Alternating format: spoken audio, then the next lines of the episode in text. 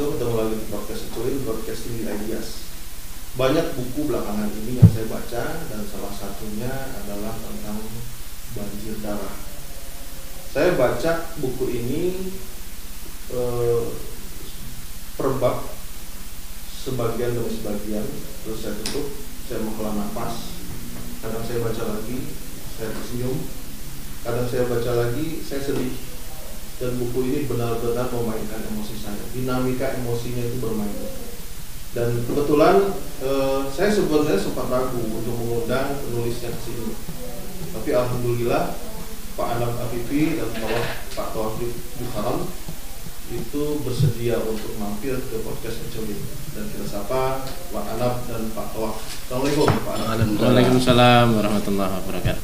Sebelum kita masuk ke sesi obrolan santai hari ini, uh, saya perkenalkan dulu penulis adalah uh, Pak Anak Afifi, lahir dari keluarga santri di Madiun 5 Agustus 68. Ia telah mendedikasikan hampir seluruh karirnya selama 30 tahun dengan menulis selama ini lebih dikenal sebagai penulis korporasi dan bisnis dengan tidak kurang dari 100 buku yang telah dia kerjakan dalam kurun waktu 15 tahun terakhir. Buku ini adalah Sejarah kisah yang ia dengar sejak masa kanak-kanak tentang keganasan PKI di kota kelahiran pada tahun 1948 telah mendorong anak untuk menuangkan ke dalam buku ini.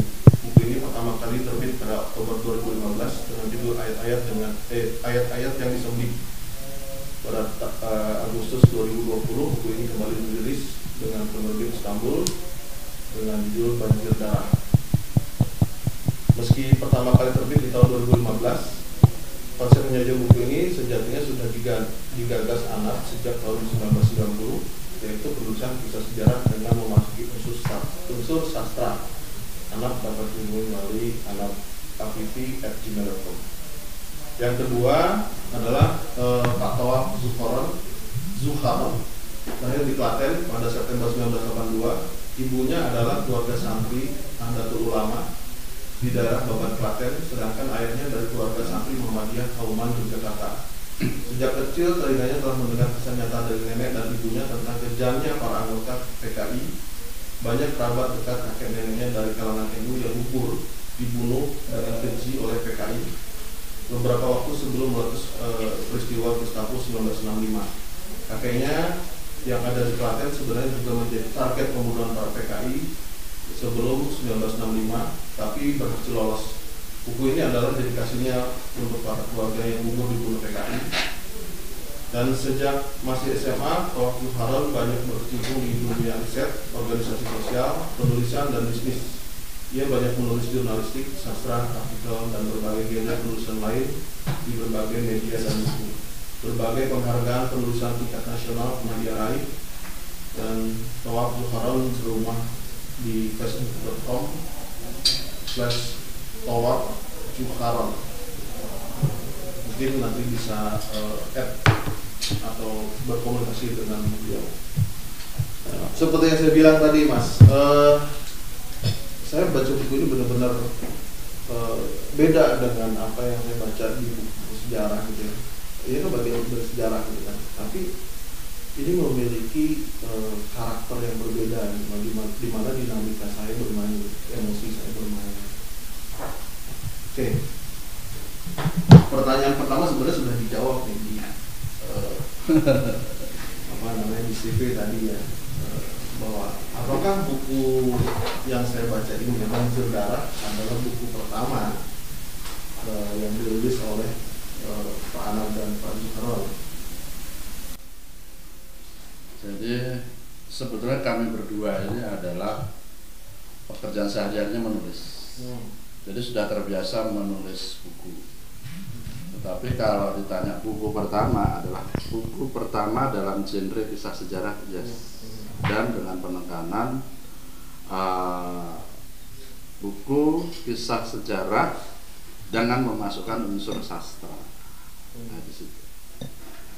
Dan ini sebetulnya ide uh, proyek ini itu kita mulai pada akhir Agustus 2015 jadi agak bercerita ya latar belakangnya seperti apa. Itu kan biasa kita tuh kalau awal tahun sibuk. Saya sama Pak Tolak itu mulai dari Januari sampai Juli itu pada. Jadi banyak pekerjaan penyusunan buku. Nah itu buku-buku korporasi buku bisnis dan buku lainnya.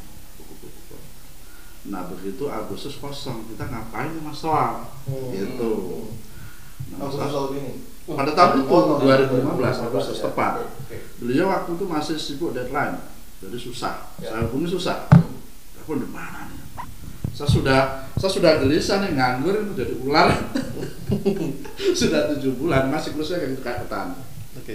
akhirnya saya panggil dia datang. Mas Tol Wah, waktu saya sedang pegang pimpinan redaksi majalah Kementerian Kesehatan. Oh. ya jadi itu pik- pikirannya tuh beda jadi selagi mikirin apa nak beda lah dunia farmasi dan Hmm, sebagainya hmm, Hmm. masih tak jauh-jauh situasi kayak sekarang dengan kasus beda waktu itu. Hmm. vaksin Nah, itu nah setelah kita harus menulis buku sebelumnya saya udah dikasih buku sama beliau Hmm. entah apa mungkin tak ada kebetulan dalam sejarah Hmm. disebut. Sebuah buku lah jadi saya, saya akhirnya memperkuat ya Mas saya harus nulis buku yang berbeda berbedanya gimana dan buku ini harus kita luncurkan pada tanggal 30 September 2015 Hmm. kosek kosek mana bisa waktu itu pokoknya dengan cara kerja kita ini pasti bisa dan harus bisa Itu dari itu berarti udah mau September itu juga ya? iya tanggal se- 30 Agustus itu kita Ya, ngobrol itu oke. ha. Nah, saya argumentasi akhirnya ya udah akhirnya kita bikin outline kilat lah setengah Hmm. jam ya Hmm. temu ini ini ini, ini. outline yang pada akhirnya yang sudah kita susun tuh nggak kepakai Hmm. nah, kan kadang biasa ya Hmm. kita nanti ini plotnya ini nulisnya begini nyari bahannya di situ kan bahan bahan sekundernya banyak nih Hmm. karena ah, segudang lah itu segini lah gitu Hmm. Ah, referensinya karena beliau memang fasih sekali kalau bicara soal sejarah Hmm. eh, apa namanya PKI itu Iya. itu ceritanya Hmm.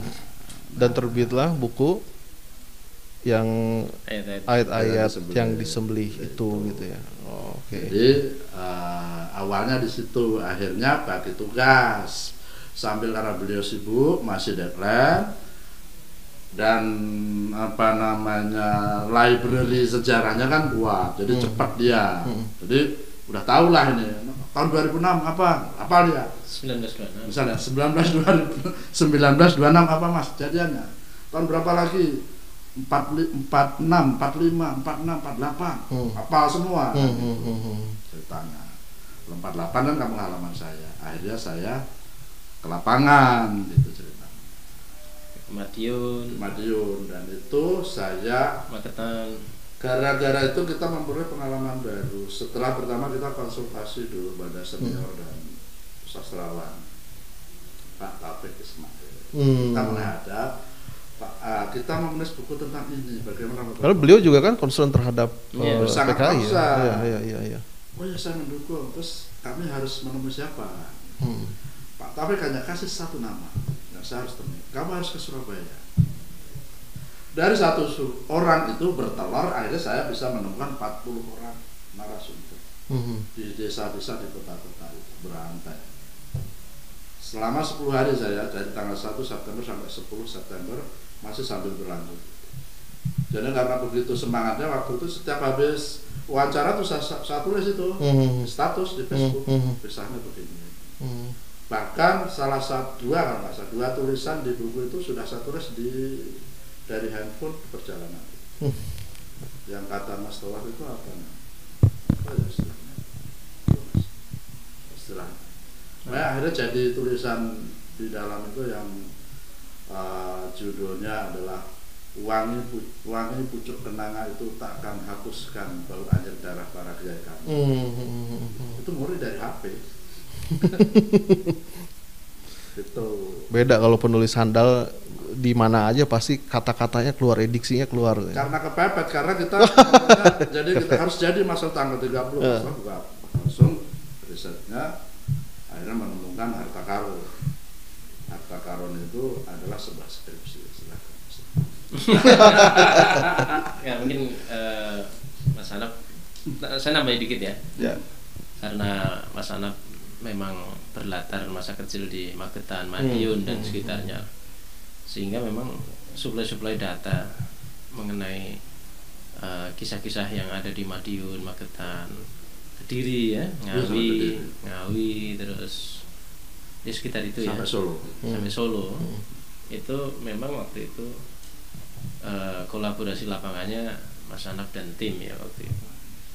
Karena saya waktu itu harus nggak bisa ninggalin untuk ngelola majalah Kementerian Kesehatan itu. Deadline pas deadline mm-mm, saya kolaborasi aja bareng kita. Dan kita dialog bareng untuk kasus-kasus di Madiun Ngawi dan Magetan itu ketika saling jadi tulisannya itu ya kita komunikasi. Ini piye di, di, di bagaimana kan Bandingkan, ya, pakai bahasa. Jawa sih. Hmm. pakai bahasa Jawa. Itu di bagaimana kan ya? Begini begini begini tapi sebelum sebelum situasi data di Madiun itu banyak kita dapatkan ya Madiun dan sekitar banyak kita dapatkan eh, saya pertama kali itu membuat bareng ya kita. Saya mengkreasi mengenai surat itu surat yang menjadi Hmm. prolog itu Prolog. Hmm, hmm, hmm, Ya. hmm. Untuk Mar- apa Maria Felicia Gunawan. Itu siapa sih sebenarnya? dia adalah seorang pengibar bendera Hah? dia paskibraka terbaik Hmm. untuk 2015 yang menyerahkan merah putih yang menerima merah sangsaka merah putih dari Hmm. Pak Jokowi waktu itu untuk dikibarkan di istana. Hmm. Jadi kenapa eh, kami mengirimkan surat kepada dia? Hmm. Karena dia yang dipasrai merah putih oleh presiden. Oh. Nah, karena ini adalah merah putih yang tercapik-capik oleh nyat aksinya PKI, Iya. ya kami menulis surat kepada yang memegang bendera pusaka.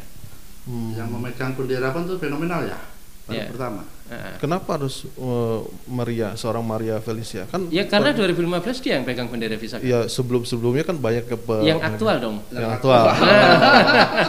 Biar lebih Ya, ini ya, kalau gitu. misalnya mau diganti bendera eh, pengibar bendera pusaka yang Yang lain. 2020 juga nggak masalah juga, Hmm. gitu. Pokoknya kita bikin surat terus lah. Tapi sebelumnya ba- em, eh, Maria Felicia ini nggak nggak ada interest apa-apa tentang eh, bagaimana kejadian di ya keganasan PKI saat itu. Ya ka- kami aja belum pernah ketemu sama Maria. Oh. Hmm, artinya itu kan kalau kita waktu itu juga Maria itu menjadi sosok yang sangat diapresiasi mas Iya. jadi banyak viral kan jadi tokoh tokoh milenial baru Ya, ya, jadi merah putih itu nyaris berganti Palwarit. Judul suratnya kan itu. Iya. Nah, surat itu kemudian eh, kita diskusikan kelihatannya memang formatnya ini harus format surat. langsung lah Hmm. bercerita terakhir Mayoritas harus kita bikin seperti format surat.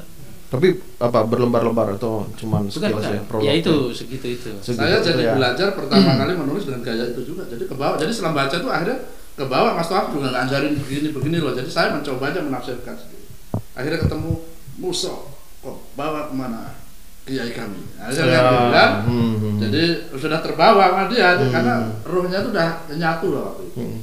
gitu Tapi reaksinya Maria Felicia saat itu bagaimana? Kita kan juga nggak ngirim ke Felicia. Kita ngirim surat di dalam buku. Oh. Sampai hari ini dia juga nggak bereaksi, biarin aja. Oh. surat itu kan sebenarnya apresiasi malah Oh. jadi dimensinya apresiasi dalam balutan bahasa surat jadi sebagai seorang kakak jadi kita anggap adik Mm-mm. Coba kalau dibaca kan dimensinya seperti itu. Iya, iya, iya, betul.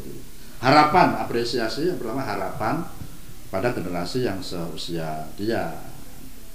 Kepada siapa lagi harapan itu mau ditumpukan Oke. dalam surat. Ya kami belum pernah mendapatkan surat balasan dari Maria Felicia Oh, Gunawan. oke. Maria Felicia bagi kami adalah simbol simbol dari yang diamanati untuk menjaga sang saka merah putih Oke. pada kalangan anak muda Hmm. karena kata Bung Karno kan beri kami 10 pemuda kami akan menginjang dunia Ya. gitu kan Nah. berarti yang perlu disurati itu anak muda Hmm, hmm. berdasarkan pesan dari Bung Karno Nah. bukan kepada Panglima TNI bukan kepada eh, Kapolri Hmm, hmm. karena di pundak anak-anak muda yang sedang sekolah inilah negara ini 10-20 tahun lagi akan dibangun Hmm. begitu Ya. jadi eh, ya harus kepada anak-anak sekolah Nah, ini kan belum belum ada respon dari beliau ya. Tapi di Iya. salah satu Ya. eh, chapter ini dituliskan eh, bahkan di peristiwa Madiun membuat Felicia eh, menangis gitu ya, seolah-olah sedih gitu. Jadi kan maksudnya ada di tafsir, tafsir mungkin ya pakai- nggak tahu ini mungkin gaya bahasanya eh Mas atau gimana ya? Saya lupa Jadi- betul. jadi kan ini surat yang Surat. dengan bahasa persuasi. Ah, persuasi imajinatif. Ah, gitu loh. Nah di- saya kan mengajak dia untuk membuat sebuah studi tour. Hmm, Maria Felicia Gunawan dan para anak-anak Anak sekolah, muda, hmm. anak-anak muda sekolah yang lain. hmm, bahwa bikinlah sebuah studi tour bukan hanya ke lubang buaya, tapi ke tempat-tempat di mana peristiwa-peristiwa mengharukan dan menyedihkan. Hmm, itu berlangsung ya kan? akhirnya ketemunya Felicia itu awalnya dari diskusi. Hmm, Mas Tolak ini kan kajian begini kan biasanya ya hanya di kampus. Bagaimana caranya ini adalah menjangkau milenial? Ya, kita harus mencari idiom-idiom simbol-simbol mewakili itu. Ya, nah, soalnya kan, nah ini kan baru 17an hmm, Mm-mm. akhirnya lahirnya ini gitu sebetulnya buku ini sejak sejak awal itu milenial ya. Itu yang saya sebut eh, kenapa prolog ini eh, bagian dari strategi gitu. ada dapur itu Oke lanjut. karena kebanyakan di korporasi jadi udah kayak otomatis begitu Mm. ya Oke. begitu. Jadi di, yang ini ya soal Madiun ya. Ah, Ya, soalnya Jadi seolah-olah, soal mengajak, dia juga- kamu ke oh. Madiun ke kelahiran ini maka kau Hmm. mungkin akan menangis Hmm. gitu kan Eh, apabila menyaksikan ya, Iya. kiai ya eh, ya, ya. Ki, kita harus mampir ke Madiun, Ya. gitu kan? Ah, Namun Adinda Felicia jangan muntah di kota ini, oh, karena PKI juga tega menusuk dubur banyak warga desa Pati dan Wirosari Madiun dengan bambu runcing, ya. Gitu kan? Ah, Lalu mayat mereka ditancapkan di tengah-tengah sawah hingga mereka kelihatan seperti pengusur, pengusir burung Pengusir burung, pemakan iya. padi. Nah, gitu. Misalnya terus saya juga mengatakan eh, begini. Kita semua pasti langsung tersungkur mendengar kisah Kiai Imam Mursyid Takran. hmm, Tak, ter- tak- telah hilang tak tentu rimbanya. Genangan darah setinggi mata kaki di pabrik gula kurang garing. Ayah dari Sumarso Sumarsono yang disembelih di belakang pabrik gula baru ketemu rangka tubuhnya setelah 18 16, 16 tahun. hmm, Ya, Nah. Aku kan intinya kan mengajak, ya, mengajak dia berwisata tentang kejadian-kejadian mengerikan itu yang harus diingat oleh kita semua. hmm, hmm. Jadi i- buku ini adalah upaya untuk merawat ingatan, ingatan tentang luka terbesar bangsa ini yang dilakukan oleh PKI. hmm. Ca- Cara merawat ingatannya bagaimana? Selain menulis buku, kita perlu membuat sebuah wisata kekejaman PKI di berbagai daerah. Hmm. Jangan hanya lubang buaya. betul, betul. Nah, betul itu sekali. itu yang yang kemudian. Jadi kalau mau anu ya, ada sebuah ada gium di Eropa. Hmm, Ada gium ini dari Jerman. Ada ngerti ya? hmm, Sebuah kata-kata mutiara yang itu eh, sangat populer di Jerman dan Eropa hmm, dan itu menjadi satu kredo, hmm, satu semangat yang kemudian diteriakkan oleh Paus Benedictus Hmm. pada saat itu di abad abad Afklarung. hmm. Jadi tulisannya cuma dua kata dan ini menjadi semangat literasi di Eropa. Ah, Kata itu dalam bahasa Jermannya skrip, skriptamanen. hmm, Jud- Artinya apa? Semua yang tercatat akan selalu abadi. hmm.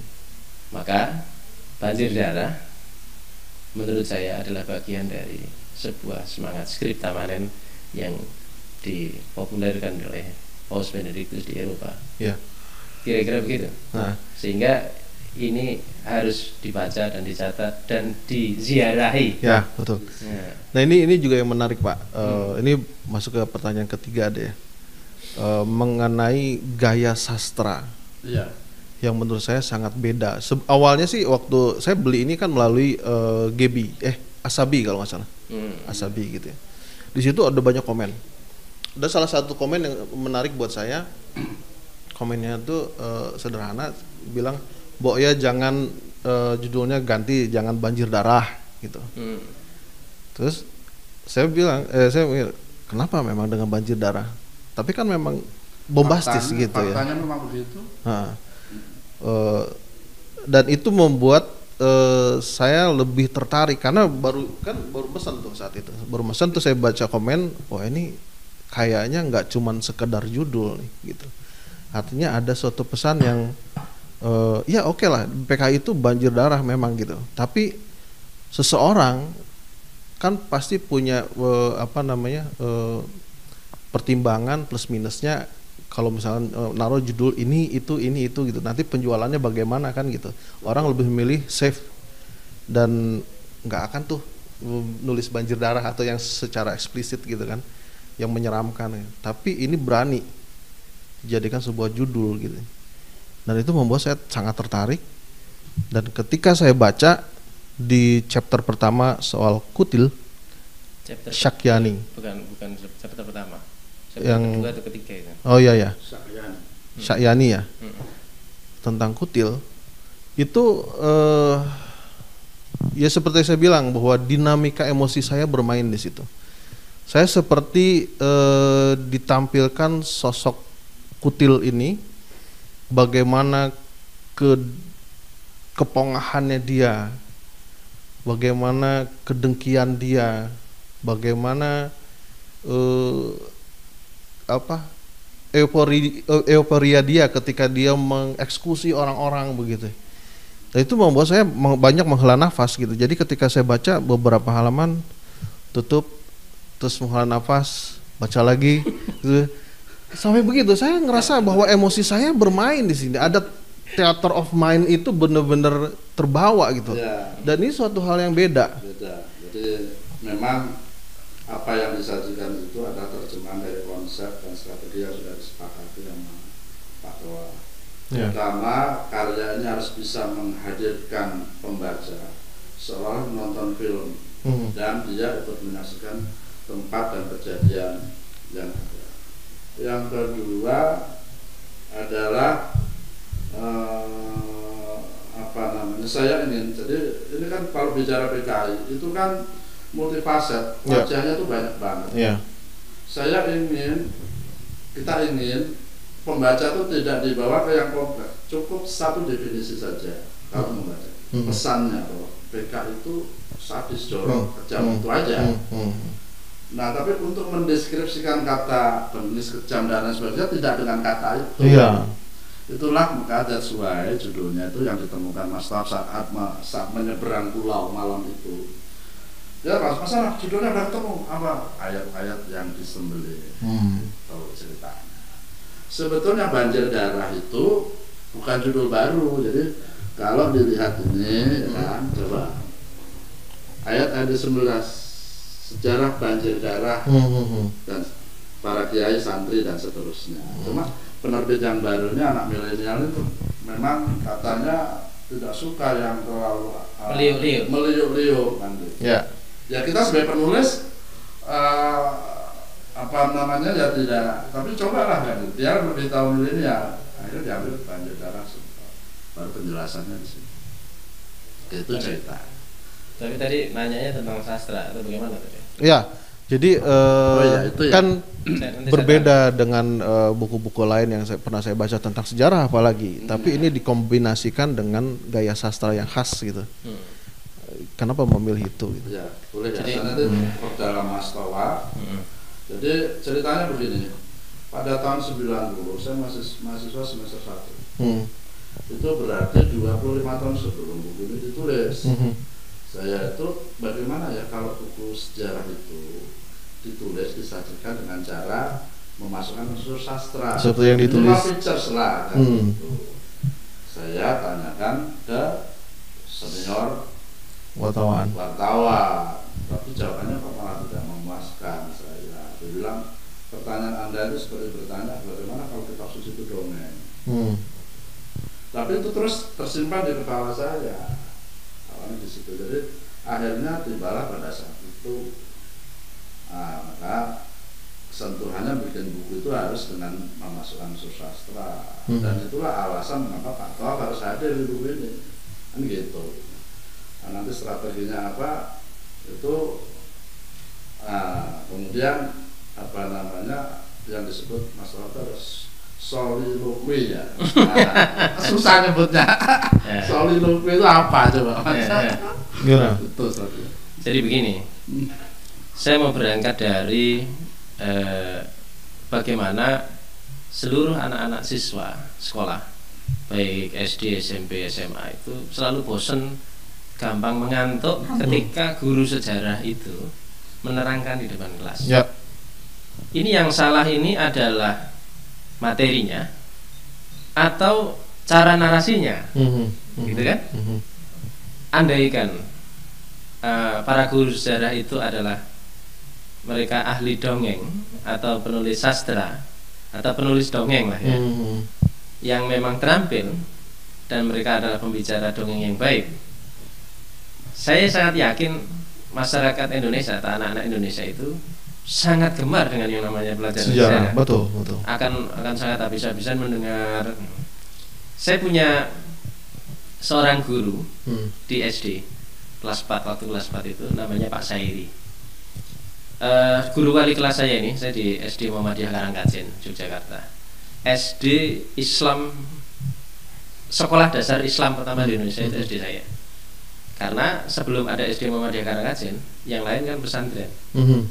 Yang lain adalah sekolah negeri Mhm. Nah, karena ini berdiri tahun 1900 pokoknya sebelum kemerdekaan Mhm. yang lainnya kan pesantren Ya, pesantren, ha. ngaji dan sebagainya ngaji. SR Mhm. Sore sekolah SR terus ya pokoknya gitu gitulah SD Islam pertama itu sekolah saya Mhm.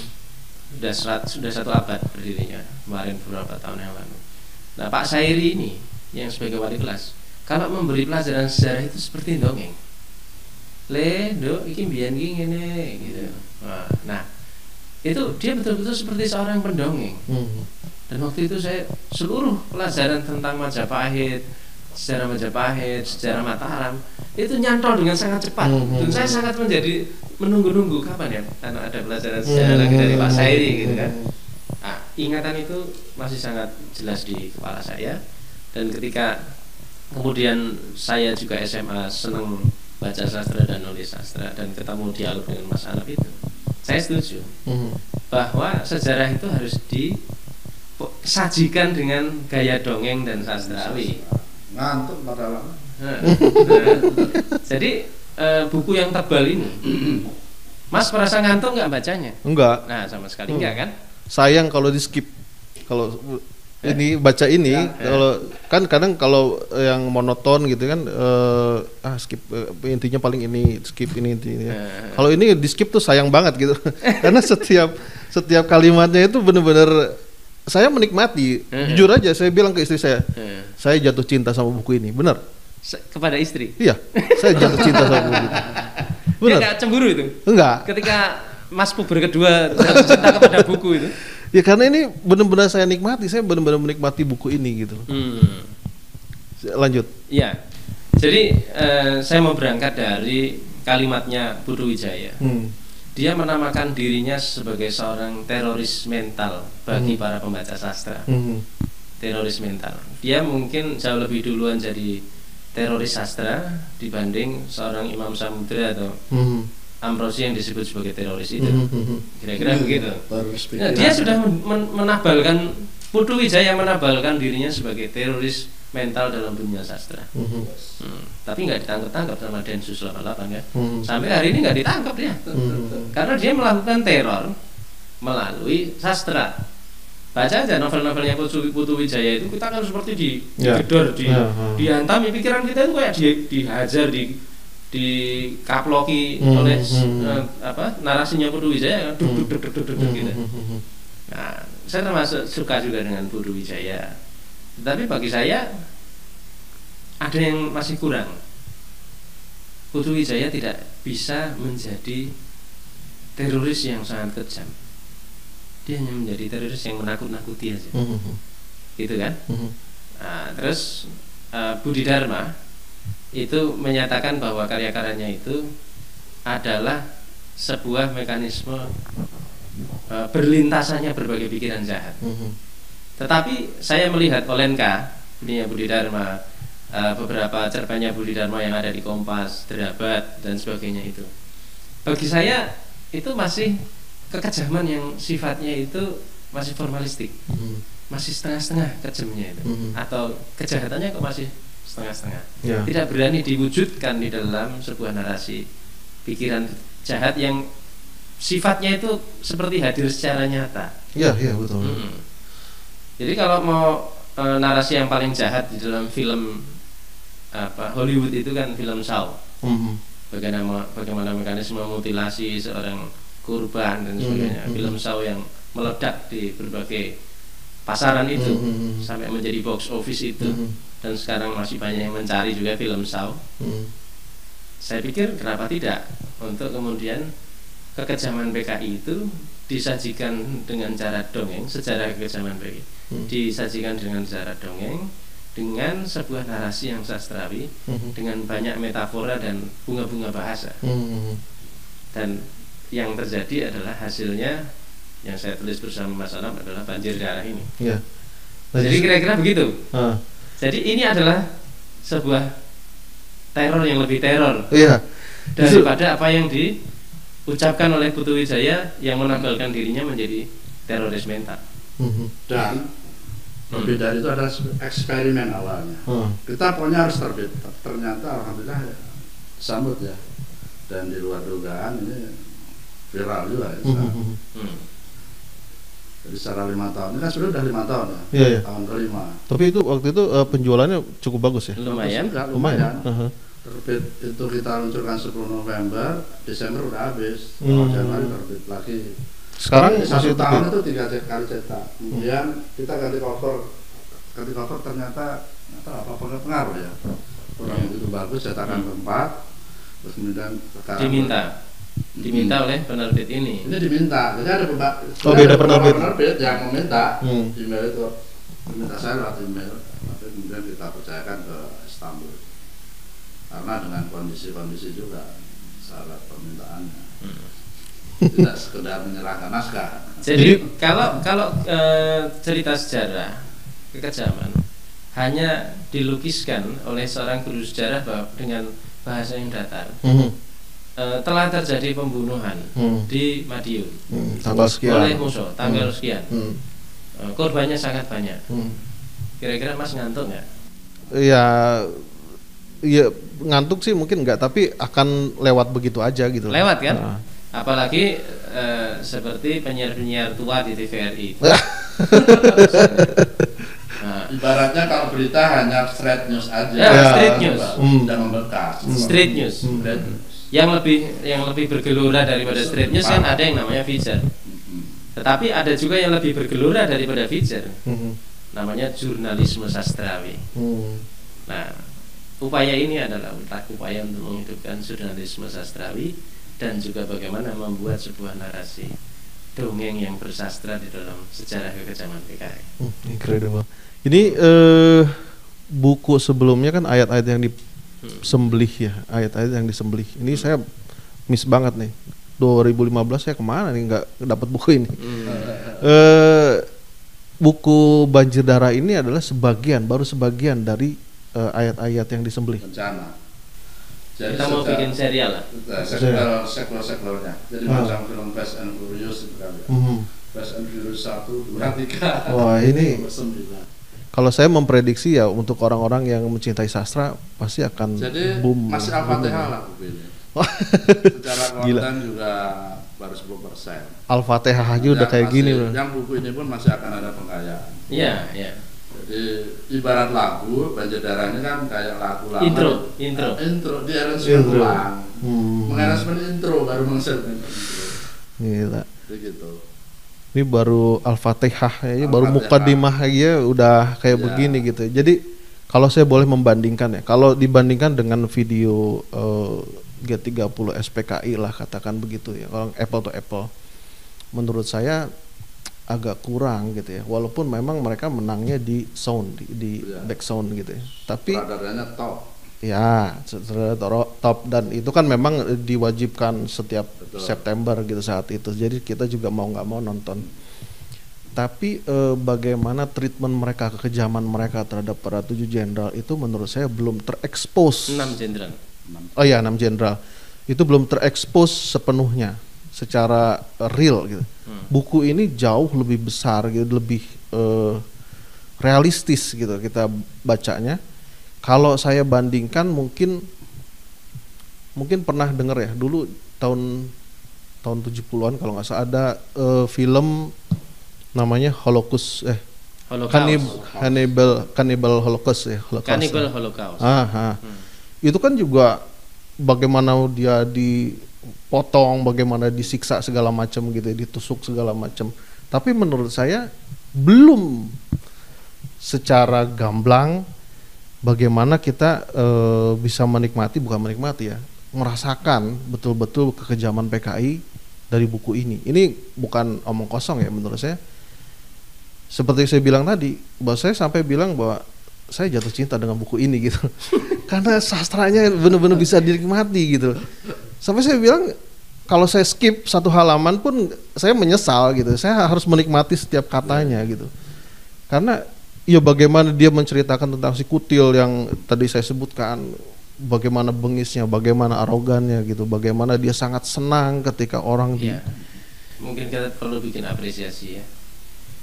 Jadi saya sangat eh, menyampaikan apresiasi yang setinggi tinggi setinggi tingginya, sedalam dalamnya, seluas luasnya, pujian yang tak terhingga kepada seorang eh, ibu yang dulu pernah menjadi mahasiswi Mhm, di Universitas Negeri Semarang, mhm, ya, yang namanya Laila Hikmiah. mhm, Jadi eh, pada saat kami berdua khususnya Mas Hanap eh, banyak eh, menjelajahi Jawa Timur untuk mengambil wawancara dan sebagainya, saya menemukan sebuah harta karun dalam penjelajahan literatur saya, mhm, yaitu skripsi seorang Laila Hikmiah yang skripsinya diujikan lulus tahun 2006 ya mhm, dan itu bendelnya masih ada di Universitas Negeri Semarang Hmm. dan sekarang beliau menjadi seorang guru sejarah mhm, di Tegal. mhm, Dia meng- mengangkat tentang sejarah kutil. mhm. Dari skripsi itulah bagaimana dia melukiskan dan bagaimana eh, dia membuat wawancara eh, ke berbagai narasumber yang mengetahui tentang kutil yang ada yang usia 80, ada yang 90 dan sebagainya dan bisa menceritakan tentang kekejaman kutil tahun 46 Mhm. dari situlah dari skripsi itulah saya membuat kisah tentang kutil Luar biasa ya. nah dari skripsi dan sampai hari ini saya belum sempat berterima kasih secara tatap muka walaupun kami sudah telepon-teleponan Mhm.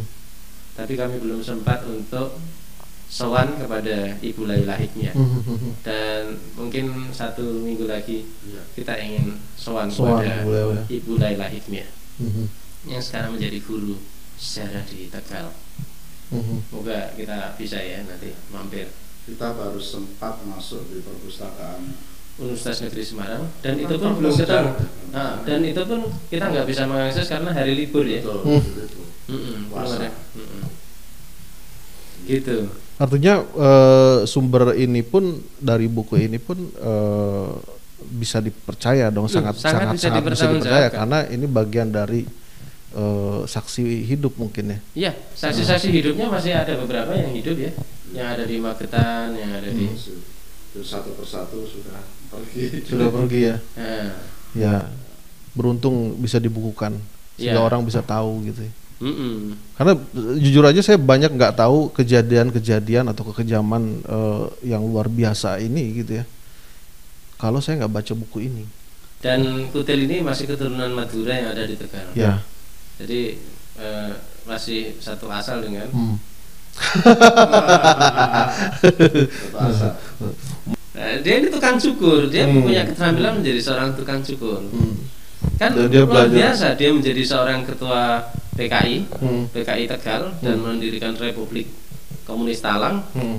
Tapi waktu itu dia se- sebelum deklarasi PKI dia nyamar menjadi seorang tukang cukur Dan seorang guru ngaji, Mm-mm.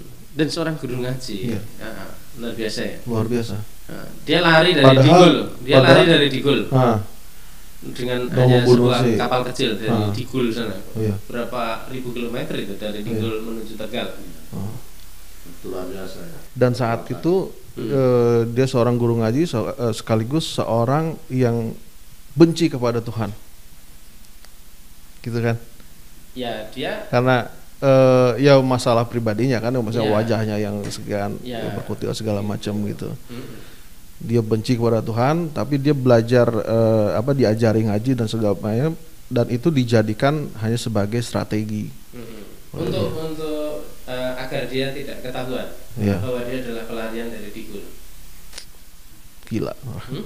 Dan itu kalau diceritakan biasa aja gitu ya, tanpa kekhasan gaya sastra ini, mungkin akan menjadi cerita yang biasa gitu.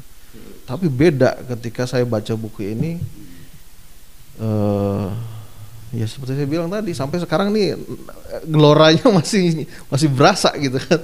Sampai ini. iya Sampai ini. Kan? jadi begini mas pendekatannya jadi riset itu ada metode Hmm. sebelum kita turun ke daerah-daerah itu ada pegangan dokumen sejarah yang eh, apa otoritatif kan gitu. Hmm. Nah sedangkan eh, buku ini, nah sejarah itu kan hanya menuliskan peristiwa-peristiwa besar. aja. Ibarat iklan baris lah terjadi berita terjadi pembunuhan di Madiun, terjadi ini. anu. Tetapi di sini adalah eh, mempertegas ceritanya tuh gimana sih peristiwa itu, Mhm. detailnya seperti apa. Itu yang tidak ada di buku sejarah atau belum ada di buku sejarah ada ada keyakinan yang selalu kita pegang itu yang kemarin saya tulis di status itu akan selalu ada peristiwa-peristiwa baru yang belum ditulis dalam buku sejarah. Mhm. Nggak tahu ini teori sejarah apa, benar asal atau gimana, itu pasti ada. Jadi yang ditulis buku sejarah hanya istilah Madiun Affair 48, kan Mhm. gitu. Mhm. Kemudian G30S 65. Nah, ke- Ternyata setelah kita telusuri banyak hal kejadian-kejadian faktual yang sesuai dengan peristiwa besar, besar yang tertulis itu. Nah, di situlah kita detailkan Mhm.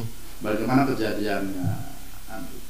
Bayangkan siang-siang bulan September panas-panas di hadapan saya seorang suami istri Pak bukan Pak Sanusi, Pak Sanusi ya.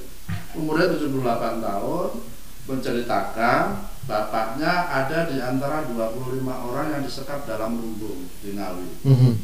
Lalu di luarnya dikasih jerami terus dibakar. Mhm. Apa yang terjadi? Kan panas di dalam. kan? Iya betul. Udah kayak dipanggang. Kan dipanggang loh. Mereka nggak tetap udah pakai sarung akhirnya enam orang laki-laki teriak Allah Akbar. Nah itu pintunya dirantai bisa jebol. Apa yang terjadi? Di situ sudah disambut kelewang tuh orang-orang PKI. Bapak saya dipukuli, bapak saya disembelih, bapak saya dimasukkan sumur. Mhm. Kat, saya nggak tahan lagi. ya kan? Mhm. Jadi, jadi mengilustrasikannya saksikan itu gimana dalam tulisan? Mhm. Nah, itu kan nggak ada di dalam buku sejarah. Iya betul. Hmm. Peristiwa itu eh, sampai sekarang ya turun temurun sudah melekat di anak-anak di sana tuh di Nawi itu. Iya. Tapi detailnya seperti apa? Kan. Hmm. Bayangkan kalau dalam ruangan sempit itu ada 200 orang berdesakan-desakan, di situ disekap dua hari dua malam itu apa yang terjadi? Mau buang air dan lain sebagainya dan Pak Dian mau sholat gimana coba? Mhm. Nah itu aja bagaimana mengilustrasikan? Nggak ada di sejarah. Gitu. Jadi eh, apa namanya ibarat kita tuh melihat Monas, gitu kan? Mhm. Sejarah itu oh Monas itu di areal yang luasnya sekian ribu meter square, tingginya sekian, Mhm. udah di atasnya ada kubah. Tapi saya kita ini di dalamnya ada apa sih? Kita menjelaskan. Oh kalau masuk itu karena pintunya menghadap ini maka angin berembus puas. Begitu masuk suasana dingin Mhm. di sini ada ornamen-ornamen dan lain sebagainya. Nah, kita lukiskan seperti itu. Jadi dan itu berdasarkan fakta oleh saksi-saksi yang mengalami saat Mhm. Banjir darah. Memang iya banjir darah. Faktornya Saya demikian. menegak, saya ketemu alhamdulillah namanya Kiai Zakaria Hmm. usianya 80 tahun mudah-mudahan masih beliau masih hidup. Santri termuda Kiai Imam Mursyid Mutakin yang diculik PKI Mhm. bercerita 200 orang masuk loji loji itu bangunan kayak bangunan zaman Belanda di pabrik gula dimasukkan di situ kemudian ada ada jendelanya besar di situ sampai senapan Stanislas brand di mati kabeh mati Hmm. semua. Genangan darah sampai mata kaki. Menjelaskannya begini di Hmm. ada genangan mata. Ekspresi mata ekspresi Kiai Zakaria itu menceritakan berkaca-kaca sambil mendekat figura Kiai Imam Zakas eh, Kiai Imam Mhm. Mhm. jadi, ya memang bagaimana cara narasumber menceritakan itu juga dimasukkan juga untuk membangkitkan apa melibatkan pembaca kita dalam uh, suasana keharuan itu seolah gitu kan jadi ketika baca karya menyaksikan itu itu suasana batinnya tuh bisa kita transfer ke pembaca kita Mhm. kan gitu Mhm. Nah kalau cerita dibunuh lalu genangan mata kaki apa genangan darah satu mata kaki Mhm. ya udah selesai. Selesai. Kan gitu. Heeh. Tanpa melibatkan emosi gitu ya. Jadi tanpa melibatkan. Jadi itu ah, ah, dokumen-dokumen apa namanya otoritatifnya juga ada gitu. Oke. Videonya dalam bentuk video kesaksiannya ada semua. Ada semua ya Ada. referensinya. Sengaja saya videokan. Oke. Jadi seperti itu. Oke. Nah ini pertanyaan terakhir nih karena sudah masuk zuhur. Gak berasa sekali.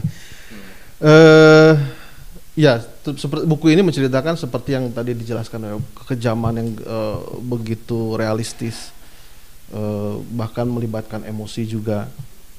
Pertanyaannya nggak takut nggak laku, karena banyak orang yang juga nggak suka dengan Pertanyaannya menarik sekali. iya Waktu itu kita nggak berpikir, pokoknya kita menulis aja masalah kita menulis nggak usah berpikir itu laku atau tidak.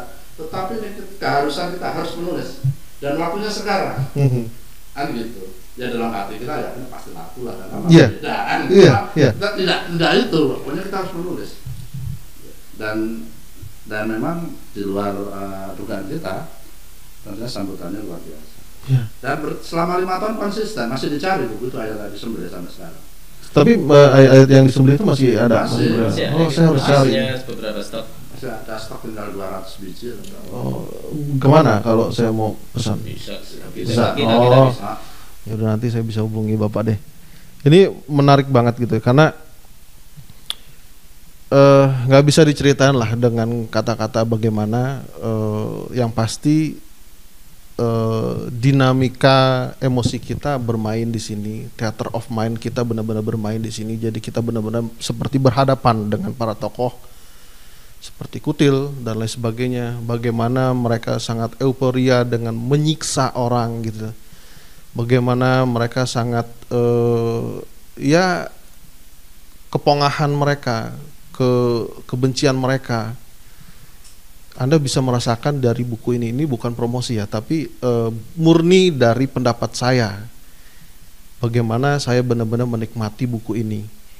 Dan ini adalah buku sejarah yang berbeda karena karya sastranya khas sekali gitu ya mungkin eh, teman-teman perlu eh, banyak eh, browsing ya untuk mencari buku ini. Ada dijual di Gebi kalau eh Asabi ya? Asabi. asabi.com atau mungkin banyak bisa di Shopee di Tokopedia ada semua. Oh sudah ada ya? Hmm. nah anda bisa gampang sekali menca- eh, apa mencari. Tinggal di Google aja buku banjir darah nanti akan muncul. Akan muncul ya? Oke. Nanti. Oke, mungkin untuk sementara itu dulu dan saya sangat menantikan edisi berikutnya. Amin Dan karena ini seperti saya bilang, saya jatuh cinta dengan buku ini. terima kasih terima kasih Sangat terima kasih. jatuh cinta. Artinya kalau sudah seperti ini, saya menanti yang berikutnya gitu. Sebenar-benar menikmati.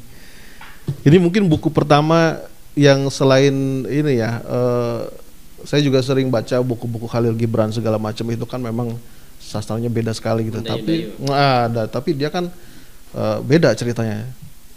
Tapi ketika membaca buku eh, sejarah dengan gaya sastra seperti ini, eh, nuansanya beda gitu loh. Artinya, eh saya nggak bisa ngomong apa lah. Saya cuma bilang bahwa saya jatuh cinta sama buku ini, asli. terima kasih sekali mas Oke. terima kasih Oke, mungkin untuk sementara seperti itu. Sampai ketemu di sesi berikutnya kalau kita punya kesempatan. Siap. Semoga buku ini eh, booming, laku keras Amin. dan asli saya akan menanti edisi berikutnya. Siap. Gitu. Siap. Insyaallah Bisa insyaallah. legend. Amin. Amin. Bahkan mungkin menurut saya tadi saya bilang ini kalau misalkan di eh, ada orang yang berani bisa diangkat ke apa namanya film. Kita menunggu-nunggu sejak 2015 soal itu.